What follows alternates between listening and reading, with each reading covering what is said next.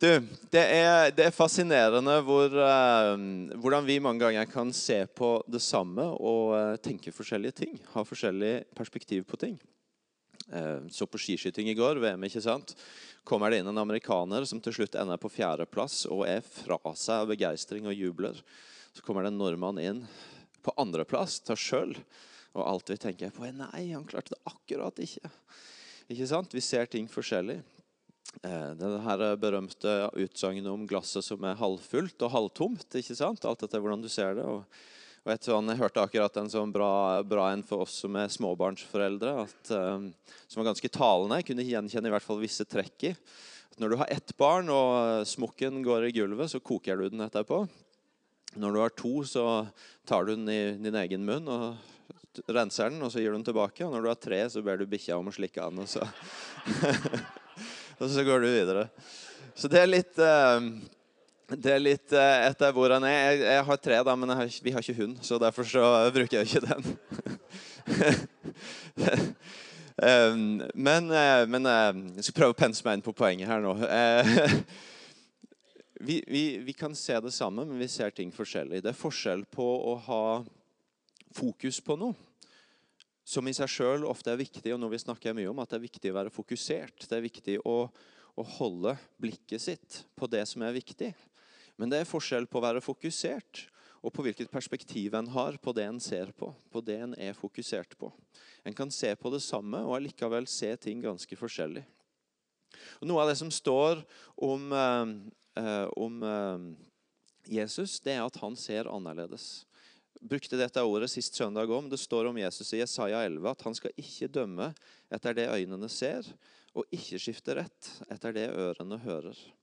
Og Det står også i Jesaja 51 eh, I Jesaja 51, ja, vers 6.: Løft øynene mot himmelen og se på jorden her nede. En sånn oppmuntring til å se opp og til å se sånn som himmelen ser, før en ser på alt, her, alt det som møter oss i hverdagen. Det står om Jesus. Han ser annerledes. Han ser ikke ting rundt seg på den måten som verden ser. Det er viktig for oss å ha fokus på de rette tinga. Det er viktig for oss å, å, kjempe for hva som får lov til å være i, i oppmerksomheten vår og synsfeltet vårt.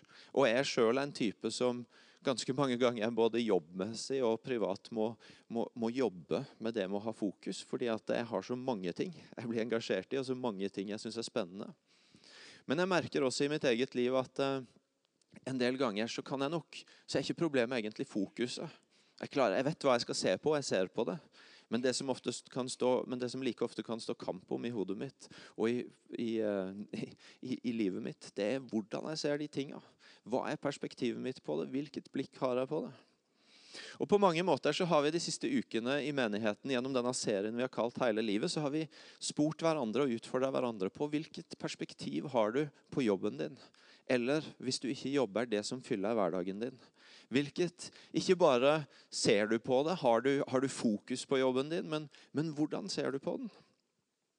Og Hvis du vil komme til det fra en sånn, litt sånn vinkel av utfordringer, så har i hvert fall jeg som er i, som pastor flere ganger snakka med folk som, som, har sagt sånne ting som at eh, jeg, jeg, føler ikke, jeg, føler ikke jobben min betyr så mye. Jeg føler ikke, jeg føler ikke det er så viktig, det jeg gjør. Og så har vi, har vi eh, Så jeg har møtt det. Og jeg har møtt sånne ting som jeg har litt dårlig samvittighet for at jeg liker jobben min for godt. Fordi jeg burde sikkert brukt mer av tida mi i kirka. Eller andre som har dårlig samvittighet fordi de eh, liker jobben sin for dårlig og burde sikkert like den bedre osv. Og så har vi og jeg kunne nevnt andre eksempler, men så har vi i disse ukene snakka om noen perspektiver på jobb. På hvordan du ser på det du bruker veldig mye tid i hverdagen din på. At f.eks. det er en gudstjeneste. Det er en tjeneste for Gud. Så Du trenger ikke å tenke at tjeneste bare skjer i kirka.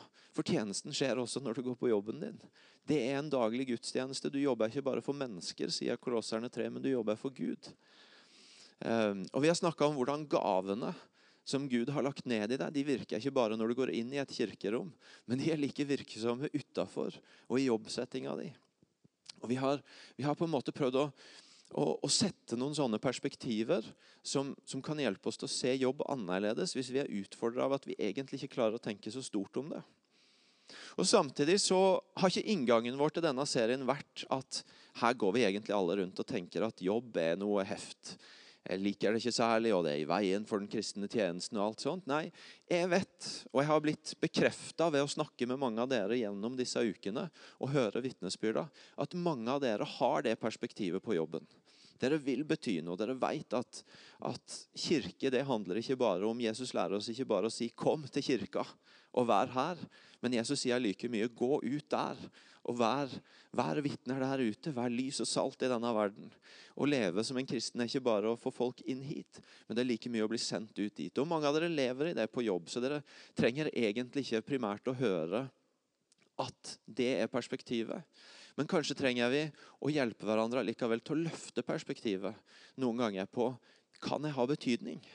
Har jeg virkelig en betydning der jeg Ja, jeg vet at det er en gudstjeneste for Gud, men, men, men har jeg noe betydning der? Jeg tenker at jeg vil være der for Gud, men, men betyr det noen forskjell? Og så handler kanskje disse ukene like mye om å løfte fokuset på Ja, dette er muligheten. Dette kan jeg få bety. Her kan jeg få være en forskjell. Fordi hvis alt det vi hadde oppnådd i disse ukene, bare er å si at jobb er viktig Det du bruker hverdagen din på, er viktig. Du må ha fokuset ditt på det. Og det er klart, Noen ganger så er det en kamp om fokus. Noen ganger så har jeg det sånn i min jobb at, at det skjer ting hjemme, eller det er ting jeg er opptatt av utenom, som gjør at jeg må, jeg må liksom dra fokuset inn. Og Kanskje har noen av dere det også sånn. Men hvis, hvis alt vi hører i disse ukene, er at jobb er viktig, så har vi ikke hørt alt som er viktig å høre om perspektivet av hele livet. Av at hver dag når jeg går på jobb, er en gudstjeneste. Fordi det handler nemlig også om perspektivet av hva jeg kan få bety. Fokuset på hvordan jeg, når jeg trår inn i en jobbsammenheng, kan være en forskjell der jeg er. Og det er også noe av det som jeg har lyst til å snakke litt mer om i dag. Eh, forrige søndag så vi, begynte vi å snakke litt om det når vi snakka om hvordan Jesus lærer oss å komme inn på arbeidsplassene våre med en tjeners perspektiv. Hvordan modellen Jesus setter, og som Paulus minner oss på, bl.a. i Filippabrevet, er å komme inn og tjene. Og gjennom det få bety en forskjell, fordi vi kommer inn med en tjeners, i en tjenerskikkelse, sånn som Jesus gjorde. En annen ting som jeg har lyst til å snakke litt om i dag, det er dette her med, med med perspektivet og med et perspektiv av tro og av håp. Fordi jeg tror noe av det vi kan bringe med oss når vi kommer inn på våre arbeidsplasser, de tingene vi er på i hverdagen vår, det er, det er det at vi bringer med oss et annet blikk i form av at vi har med oss en tro og et håp som gjør at ting ser annerledes ut. Og Kanskje noe av det er og du kan teste oss sjøl litt på når vi går inn i sånne settinger. det er de, de tinga jeg tenker, det blikket jeg har, det perspektivet jeg har på det jeg gjør i hverdagen min, det jeg gjør på jobben min, er, er de tinga jeg sier om det, ting som, som det lukter tro av? Som det lukter håp av?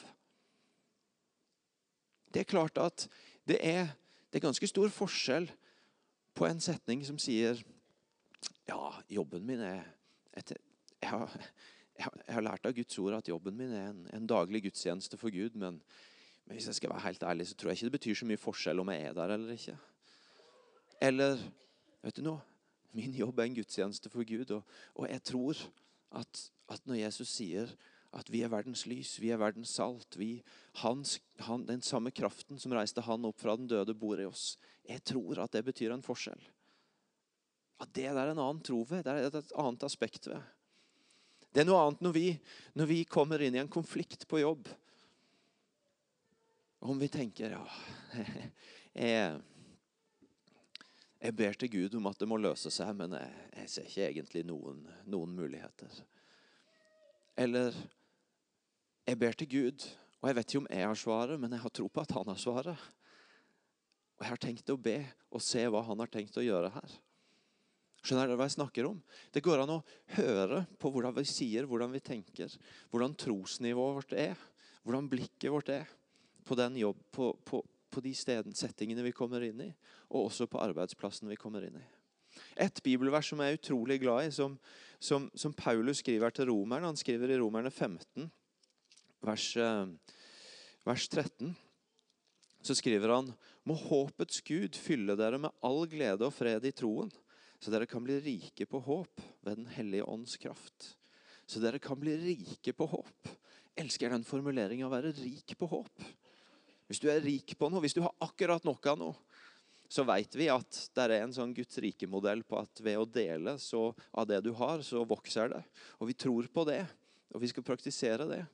Men jeg vet også noe om at hvis en er rike, der er overflod, da er det lett å bare smitte ut. Fordi du har overskudd. Og tenk å være et folk som er rike på håp. Som kan komme inn i sammenhenger på jobbene våre med en sånn rikdom, overflod av håp på de forskjellige tingene en møter. Jeg vet at jeg har en kristen arbeidsplass. Jeg jobber her i kirka, og det er annerledes enn mye av det vi snakker om nå, som handler om når du tar med deg troa di inn på en jobb hvor det ikke er selvsagt at alle tror, eller at det å tro er ok, eller at alle heier på det. Men jeg tror likevel dette eksempelet er overførbart. For min sjef han heter Martin, og de fleste av dere kjenner han. Noe av det som, Jeg har mye godt å si om Martin, men noe av det som er fantastisk med Martin, det er at han, han er en mann som bærer mye tro og mye håp, og som ofte løfter blikket. Som ofte ser høyere enn bare det du ser menneskelig talt rett fram. Og det å få jobbe tett på og rundt en menneske som har mye tro og mye håp, det er en fantastisk opplevelse. Fordi at eh, noen ganger så møter jeg situasjoner i det jeg holder på med, hvor jeg tenker ah, jeg vet ikke hvordan jeg skal løse dette. Jeg kjenner bare at perspektivet mitt dras ned. At bøyer jeg meg fram og sa det her før jul i en tale. Når du kommer i den moduset hvor du liksom bare krummer deg sammen og går på. Prøver å stange deg gjennom. Og så trenger du egentlig å få løfta blikket. Og Noen ganger så er det sånn for meg at bare det å få, bare det å få sitte på kontoret til Martin i en halvtime Han trenger ikke å si til meg hva jeg skal gjøre eller løse saken. Men bare det å få være rundt en som bærer tro og håp, endrer mitt perspektiv. Og jeg tenker, tenk hvis det er noe av det vi kunne få være bærere av på våre arbeidsplasser, at det finnes noen mennesker, det finnes noen kontorpulter, det finnes noen folk som har en annen sånn ja, For å være litt Leif Hetlandsk, da, atmosfære rundt seg. Som bærer noe rundt seg av tro, av håp. Som hjelper å løfte. Som bringer et annet perspektiv på situasjonen en møter. Jeg tror på at vi som kristne skal vi, jeg, jeg, tror at kvalitet ærer Gud. Og at en verdi for oss som kristne når vi går inn og gjør jobben vår, er at vi skal gjøre det best mulig. Vi skal, vi skal legge vår ære i å gjøre det ordentlig, fordi det er en tilbedelse for Gud. Men jeg er litt skeptisk til sånne tanker om at fordi en tror på Jesus og er kristen og, og har Den hellige ånd, og sånn, så er det uten videre gitt at, at vi er så mye flinkere i jobbene våre. For det er ikke sikkert at vi er. Og alle de som vi har rundt oss som ikke nødvendigvis bekjenner ei tro, de er også skapt av Gud med gaver fra Han som de bærer rundt, og som de også er dyktige i. Så jeg er ikke så sikker på om det som alltid skiller oss ut, er, at, er å forvente at vi skal være så himla mye flinkere i det vi gjør. Tvert imot så kan det være mange rundt oss som er mye flinkere. Men hva om noe av det som skiller oss ut, er Sist gang snakka vi om det å gå under og tjene. Og i dag det å være folk som bærer en tro og et håp med seg inn i situasjonene. Som ser ting på en annen måte. Som ser den kollegaen alle andre ser på én måte. Så ser du med et helt annet blikk. Se den situasjonen, den konflikten, den utfordringa. Som ingen veit hva de skal gjøre med. Ikke sikkert du heller egentlig veit. Men du bringer allikevel med deg inn et annet perspektiv. Fordi du har en bærer av en tro og et håp. Og Derfor så tror jeg noe av det vi kan få gjøre, det er å bringe inn for Gud de, de de, holdningene, de setningene, den troa hvor vi merker at ah, her er jeg underskudd på tro og håp. Jeg er underskudd på tro på min egen betydning. Jeg er underskudd på tro på, på, på, på hvordan dette kan løse seg. Jeg er underskudd på tro på den personen som ingen andre heller tror på. Og Så bringe det inn for Gud og be Han skape tro. Gi oss tro. Bygge opp håpet. Vise oss løfter som gjør at vi får løfte noe annet inn i den sammenhengen. Jeg har lyst til at dere skal møte Håkon Haaland. Vi har laga en liten video med han. og Han snakker bl.a. om det å se litt annerledes på folk rundt seg.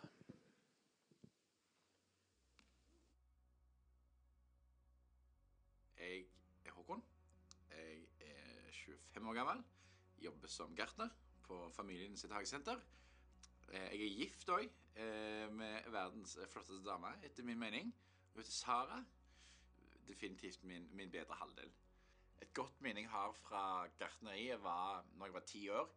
Så gikk jeg og flytta på tre- trillebår. Fordi du har jo bare lyst til å dilte etter det pappaen din gjør. Og da kjente jeg liksom Nei, jeg har lyst til å bli flink, for jeg har lyst til å hjelpe far min. Det som er så spennende med å jobbe på hagesenteret, er at vi er forskjellige folk. Det å samle åtte stykk fra forskjellige land og kulturer sammen om, om en idé, en visjon, det er både spennende og samtidig utfordrende. Jeg kunne jo bare ansatt folk som var prikk like meg, eh, men det hadde jo egentlig bare blitt masse ideer. Og så gjør vi disse ideene, og så er det ingen som liksom holder oss igjen og får oss til å tenke. da. Eh, Og det er det som er så vakkert med å ha denne forskjellen i folk. Jeg ble kristen for eh, nå tre og et halvt år siden. Eh, Og eh, for å gjøre en eh, lengre, flott historie kort, så ble jeg møtt av en sånn radikal kjærlighet som, som sier 'Jeg elsker deg for den du er'. Og etter jeg hadde vært kristen i to-tre uker, så spente Gud meg inn på Akta bibelskole. Det jeg lærte, var jo at jeg kunne se folk gjennom Guds øyne, ikke gjennom mine øyne. Fordi når vi ser på folk, så er det ikke alltid sånn som Gud ser på dem. Og det er definitivt noe jeg tok med meg videre. Eh, Det er jo ikke alle folk som er like lette å like. Men når du får det fra Guds perspektiv, så hjelper det. Jeg har jo mottatt eh, en så stor kjærlighet sjøl at det er vanskelig for meg å liksom holde den bare for meg. Jeg deler jo alltid de gode opplevelsene jeg har. Eh, Så hvis jeg er på en god restaurant, så får jo folk høre om det dagen etterpå. Eh, Og det samme gjelder jo òg selvfølgelig troen min. Fordi det handler jo ikke bare om, om en søndag, men det handler jo om hele livet. Jeg deler egentlig tro med å være et, eh, både et eksempel, så godt jeg kan, og det å, det å be for folk, og det å anerkjenne hverandre. For i en verden som vil trykke deg ned, så er gode ord en oppløfter. For meg så, så er det ganske enkelt å snakke om tro, fordi det er en ting som fyller meg så veldig. For det hjertet er fullt av, det renner det over med. Og det kan være så enkelt som å stoppe opp og si hei til en person. Eller om det å gi den ekstra klemmen på vei ut døra. Det trenger ikke alltid være disse store handlingene. Jeg er med og driver ei huskirke der fokuset er på å nå ut til nye og de som ikke har en plass å gå. Og det, det er veldig givende. Det å ha med folk som ikke tror i huskirka, det, det er fantastisk spennende. Det er så gøy. Det å få lov å følge dem på denne turen mot, mot Jesus og se den prosessen, det er, det er ikke noe som hindrer oss, men det er noe som heller skuer oss framover. Det å leve misjonalt er jo ikke noe du gjør, men det er noe du lever. Det er jo bare å begynne å snakke med noen. Om du er på en kafé, om du er på en fest, eller om du er på Kvadrat. Du er kirka. Jeg kan jo få vise nåde pga. nåde gitt meg.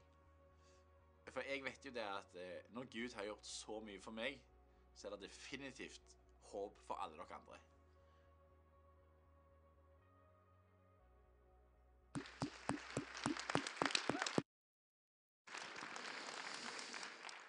Er ikke det bra? Få lov til å se folk med et annet perspektiv. For dele troa, for snakke om det han har møtt, det han er opptatt av. På en så naturlig måte. Håkon nå snakker om det med perspektivet, det med at han har lært noe om å få se mennesket med Guds perspektiv. Og Han snakker nå om hvordan han ved å være sammen med andre kristne, ved å være i huskirka si, så får han hjelp til det. Denne uka så hadde vi samling for alle huskirkene våre. og Vi var over 20 huskirker i rommet. Det var fantastisk å høre hvordan så mange av de hadde så høy visjon, så høye drømmer for hva huskirkene deres skulle være. Og Noe av det jeg tror sånne fellesskap representerer, det er nettopp oi, steder hvor sånne perspektiv som bare blir det menneskelige, som, som, som, som tar oss ned, blir løfta opp igjen. Og så får en Guds perspektiv på ting. Håkon han snakker om det med, å- dele tro. Han snakker om at ja, når jeg er begeistra for en restaurant, så snakker jeg om det. Og når jeg er begeistra for Jesus, så snakker jeg om det. Og Det er også noe jeg har lyst til at vi bare skal bruke noen minutter på. Dette her med å, å, å dele troa også i jobbsetting. Og som en inngang til det så jeg har lyst til at vi skal ta med oss Paulus igjen. Forrige søndag for de av dere som var her da, så snakka vi litt om Paulus som sitter i fengsel for sin tro. Eh, så han er ikke på jobb, han er i fengsel. Men selv i den situasjonen så får han ha et annet perspektiv. Ikke nemlig 'Å, dette er urettferdig, jeg blir forfulgt for min tro', men 'Hvordan kan jeg dele tro her?' Og så, og så leste vi fra Filipperne sist om hvordan, hvordan han, han, forteller, skriver til de, om hvordan, hvordan han får fortelle om troa si der òg. I dag så hadde jeg lyst til at vi skulle ta med noen vers han også skriver fra fengsel i Kolossabrevet, Kolossabrevet kapittel 4. For der skriver han Vær utholden i bønn, våk og be med takk til Gud. Be også for oss at Gud må åpne en dør for ordet, så vi kan forkynne Kristi mysterium, det som jeg nå er i fengsel for. Jeg leser det verset en gang til. Be også for oss at Gud må åpne en dør for ordet, så vi kan forkynne Kristi mysterium, det som jeg nå er i fengsel for. Og så sier han i vers 4.: Be om at jeg må tale slik jeg skal når jeg gjør det kjent. Det første jeg for så vidt vil si om det med å, å, få, å få, dele tro i jobbsammenheng, det på, med kolleger og sånt, det, det er møt opp. Vær på steder og arenaer hvor det er mulig. Sist søndag så snakka, snakka Kristin i sitt vitnesbyrd om hvordan hun alltid var med på de sosiale sammenkomstene og lønningspils og alt sånt på jobb. Og hvordan hun sa spørsmål nummer to i de settingene, det handler om troa mi. Og Denne uka så har jeg møtt flere andre i menigheten som sier ja, det er akkurat sånn det. Spørsmål nummer to på de settingene, når jeg møter opp der, når jeg er på de stedene hvor, hvor skuldrene er litt lavere og hvor settingen er litt annerledes, det handler om troa mi. Og Derfor så tror jeg det første for så vidt å si om å dele om tro, det er møte opp på de stedene hvor det rommet er, hvor det er mulighet for å snakke. Men så synes jeg, og Kristin var for så vidt inne på det sist hun òg, for hun sa at hun ba på vei til sånne sammenkomster, og så takka hun på vei hjem. Men jeg syns det er fascinerende med Paulus. Fordi Paulus han skriver be også for oss at Gud må åpne en dør for ordet, så vi kan forkynne Kristi mysterium. Tenk på Paulus, da. Den beste misjonæren av de alle. Og en fyr som menneskelig talt ikke det sto noe tilbake når det kom til frimodighet. Før han ble kristen, så reiste han rundt for å fortelle alle om hvor galt det var å være kristen. Han reiste rundt for å rettlede folk til å holde den rette jødiske tro. Etter at han ble kristen, så reiste han rundt overalt og fortalte om Jesus. Og Når vi leser brevene hans, så får vi bare inntrykk av en fyr som han er ikke en som holder tilbake. Han er ikke en som menneskelig talt som type er veldig forsiktig av seg og, og på en måte holder igjen. Nei, Han er en ganske menneskelig talt frimodig fyr som, som er outspoken. Som, som, litt sånn som Håkon. Det er jeg begeistra for. Det snakker jeg om. Og Allikevel så ber, sier Paulus, be også for oss at Gud må åpne en dør for ordet, så vi kan forkynne Kristi mysterium. Sjøl Paulus, den beste misjonæren av de alle, som type, en som forteller fritt og snakker åpent, han sier jeg trenger at dere ber for meg om at det skal åpne seg dør sånn at evangeliet kan bli forkynt her. Jeg vet at det å snakke om tro på jobb, og når du går fra å snakke om at jobben din er viktig, den gudstjeneste for Gud, og, og det å ha et himmelsk perspektiv til det å snakke om å dele tro og sette ord på det, så er det for noen av oss forbundet med litt skam, litt dårlig samvittighet, litt ah, jeg får det ikke til. Vel, Kanskje ligger det en oppmuntring for oss alle i at sjøl Paulus den beste misjonæren av de alle sier dere må be om at døra skal åpne seg for meg. Sjøl Paulus veit at enten du er frimodig eller ikke i det menneskelige, så er det kjempetungt å på menneskelig vis skulle hamre død, åpne ei dør som er lukt. Og Derfor så begynner han med å si be om at døra må åpne seg. Om at det må skapes et rom her hvor det kan være ok å snakke om tro. Og Det er en invitasjon til oss også. Du kan tenke at ja, ja, uansett hva en snakker om i en kirke, så, så, må en kaste på bønn som et viktig punkt. For bønn er jo på en måte fundamentet for alt vi gjør. Ja, det er sant. Men i denne, her, denne spesifikke konteksten så er ikke bønn bare generelt viktig. Det er helt spesifikt en nøkkel inn i dette her. For Paulus sier dere må be om at døra skal åpne seg, at rommet skal åpne seg, sånn at det er plass til at jeg, spørsmål nummer to kan komme. Til at jeg kan få fortelle. Og det har jeg bare lyst til å invitere oss alle til. At, at, at, vi, at, vi, vi holder det høyt. At det å be for kolleger, at det å sette oss i posisjoner hvor vi blir bedt for, hvor andre ber om at døra skal åpnes, sånn som Paulus gjør, at det er en del av livet vårt rundt jobb. At det er en del av mentaliteten vår, av fokuset vårt. Bønnekortet, de tre kollegene en alltid ber for. Huskirka, fokuset på åssen er det på jobb? Kan vi be for jobben din? Er det noen der vi hørte For et par søndager siden så fortalte jeg om en i ei av huskirkene våre som på ei huskirkesamling ble minna om en på jobben sin. Som han hadde en god relasjon til. Og så, og så ba de sammen, og så fikk han frimodighet til å ta det ett steg lenger. Jeg vet ikke om du tenker at når det er forbønn på søndagen her på gudstjenesten, at, at du, må, du må helst ha noe sykdom eller en skikkelig krise eller et barn som det ikke går så bra med, eller et ekteskap som holder på å gå i stykker, eller et eller annet sånt, for å gå til forbønn. Men det er ikke sånn. Det er ikke sånn.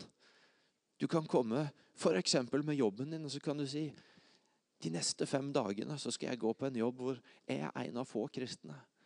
Og Jeg har lyst til at du må be sånn som Paulus ba kolosserne, om at ei dør må åpnes for meg.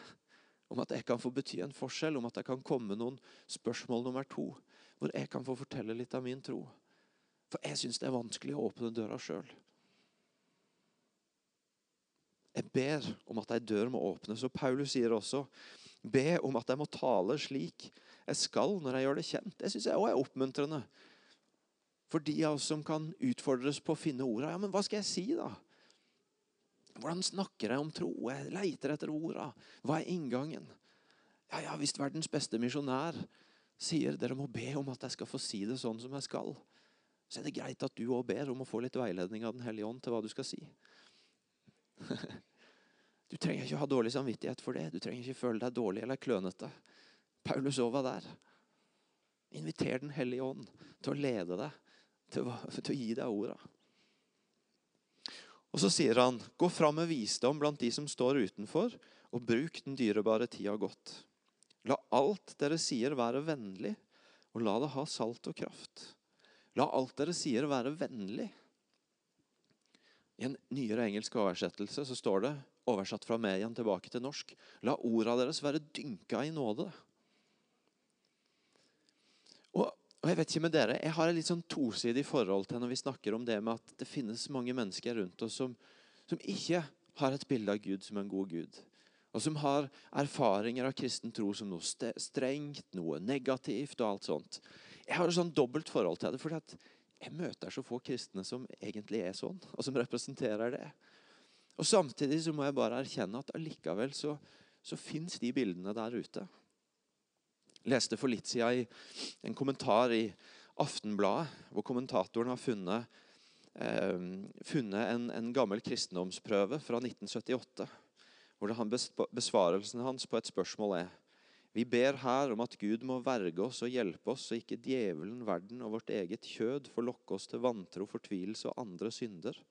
Og når vår siste time kommer, gi oss å dø salig bort fra denne verden og ta oss til seg i himmelen. Og så er responsen han har fått fra læreren. Meget bra, du leser leksene. Selv om det på mange måter kan være rart for meg, og kanskje for noen av dere å tenke at det fins bilder av Gud, av tro der ute, som, som, som er bilder av en sint Gud, av, av dom, av, av, negativitet og alt det der, så, så er det faktisk en realitet at de bildene fins. At folk har gjort erfaringer, at ting har skjedd, at, at, at, at ting har blitt bygd opp. Som gjør at vi òg trenger å høre det Paulus sier. La orda dere gir, være dynka i nåde. La ordene deres være vennlige, la de være dynka i nåde. Sånn at, sånn at hvis du skal få sagt noe, så la i hvert fall få inn noe om at han er god, om at han er nådig, om at han vil deg godt. Om at han, om at han ikke er ute etter å dømme deg. For det sier jeg faktisk Jesus. Jeg kom ikke for å dømme verden, men jeg kom for å, for å frelse han. Jeg kom ikke for de rettferdige, men jeg kom for å søke de som var bortkomne. Om det er noe du skal få inn, så la ordene dine være dynka i nåde og vennlighet, sånn at, sånn at i hvert fall den sida han kommer fram da, i det du formidler. Og så sier han Og la det ha salt og kraft. Da er vi litt tilbake til perspektivet til troen og håpet. Vær vennlige, dynk det i nåde, men ikke, ikke rund det av. Ikke ta ut saltet, ikke ta ut kraften, ikke ta ut frimodigheten på, på det han kan gjøre, håpet som kommer av den han er. La det være vennlig, men la det være kraftfullt. La det være salt i det. Sånn at det faktisk er vits i å bruke tid på. Og så sier han til slutt så dere vet hvordan dere skal svare hver enkelt. Det syns jeg er spennende. Så dere vet hvordan dere skal svare hver enkelt. Ja, da sier jo faktisk Paulus noe om at, om at det er ikke en standard preik du skal levere. Det er ikke et standard svar. Det er ikke en innøvd lekse om hva kristen tro er. Men det er en dialog hvor du må finne ut hva er det denne personen Gud vil si til denne personen. Hva er det fra Guds ord som er relevant for denne personen? Og Det betyr for det første at like viktig som det du sier, er det du hører. For du må få tak i hva som skjer i det andre menneskets liv. Å dele tro med mennesker på jobben er ikke å pugge preika mi eller noen andres eller din egen. Men det er jo først å lytte seg inn så du kan vite hva du skal svare hver enkelt. Og så lytte til Den hellige ånd og finne ut hva, hva er ditt ord inni dette. Hvilke gudsord har jeg, har jeg lagra opp, som du aktiverer nå, som jeg kan bringe inn? Hvilke vitnesbyrd, hvilke, hvilke ting minner du meg på, Hellige Ånd? Som er dynka i nåde, og som kan være et ord, være til hjelp, være et svar inn i akkurat denne situasjonen. Jeg har lyst til å bare oppmuntre oss alle i dag til å, til å, til å gjøre som Paulus og, og, ikke tenke 'dette må jeg få til', men tenke 'la oss be til Gud', og la oss lytte til Den hellige ånd og finne ut hvor leder han meg, hvilke svar gir han meg, hvilke ord kan jeg få å gi til de menneskene jeg jobber med. Så mot slutten av denne serien Jeg håper at du i løpet av denne serien har blitt utfordra. Ikke bare på fokus, men på perspektiv. La oss være fulle av tro og håp på det vi kan bringe inn. Og la oss samtidig be for hverandre om frimodighet til å komme med godhet, til å be om Guds rikes inngripen, men også til å dele orda om hvem han er, og hva han vil være, også for kollegene våre og de menneskene vi jobber med. Skal vi reise oss opp? og be sammen.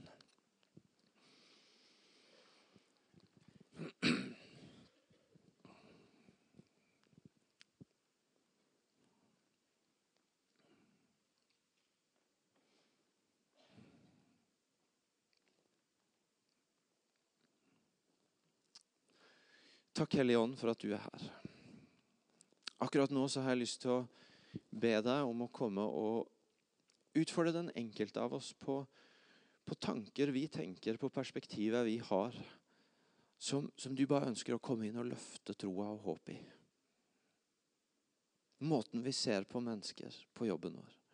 Måten vi tenker om vår egen betydning. Måten vi ser på utfordringer vi står i. Helligånd, kom og, kom og løft troa og håpet i oss.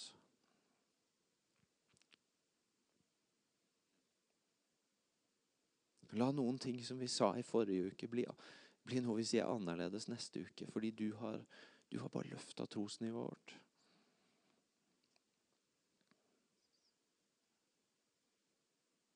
Jeg ber deg for de som opplever helt konkret at de står i jobber hvor, hvor nettopp jobben, arbeidsmiljøet, sjefen, et eller annet der utfordrer perspektivet ditt sitt. Det er tøft å gå på jobb og holde blikket du gir, fordi det er så mange andre krefter som drar et annet sted. Hellig Ånd. Gi synlige tegn på at du er med i arbeidshverdagen. At når, når andre krefter drar blikket ned, så, så, så er du nær og drar det opp igjen.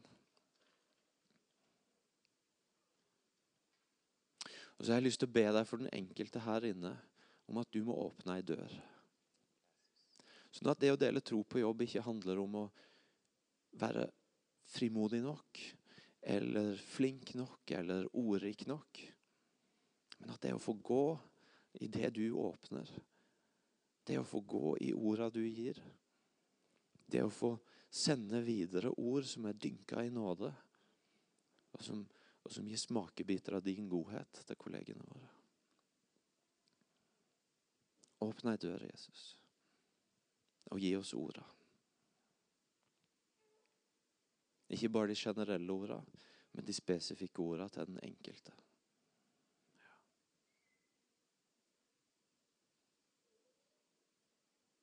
ber deg om det. Ditt navn, Jesus.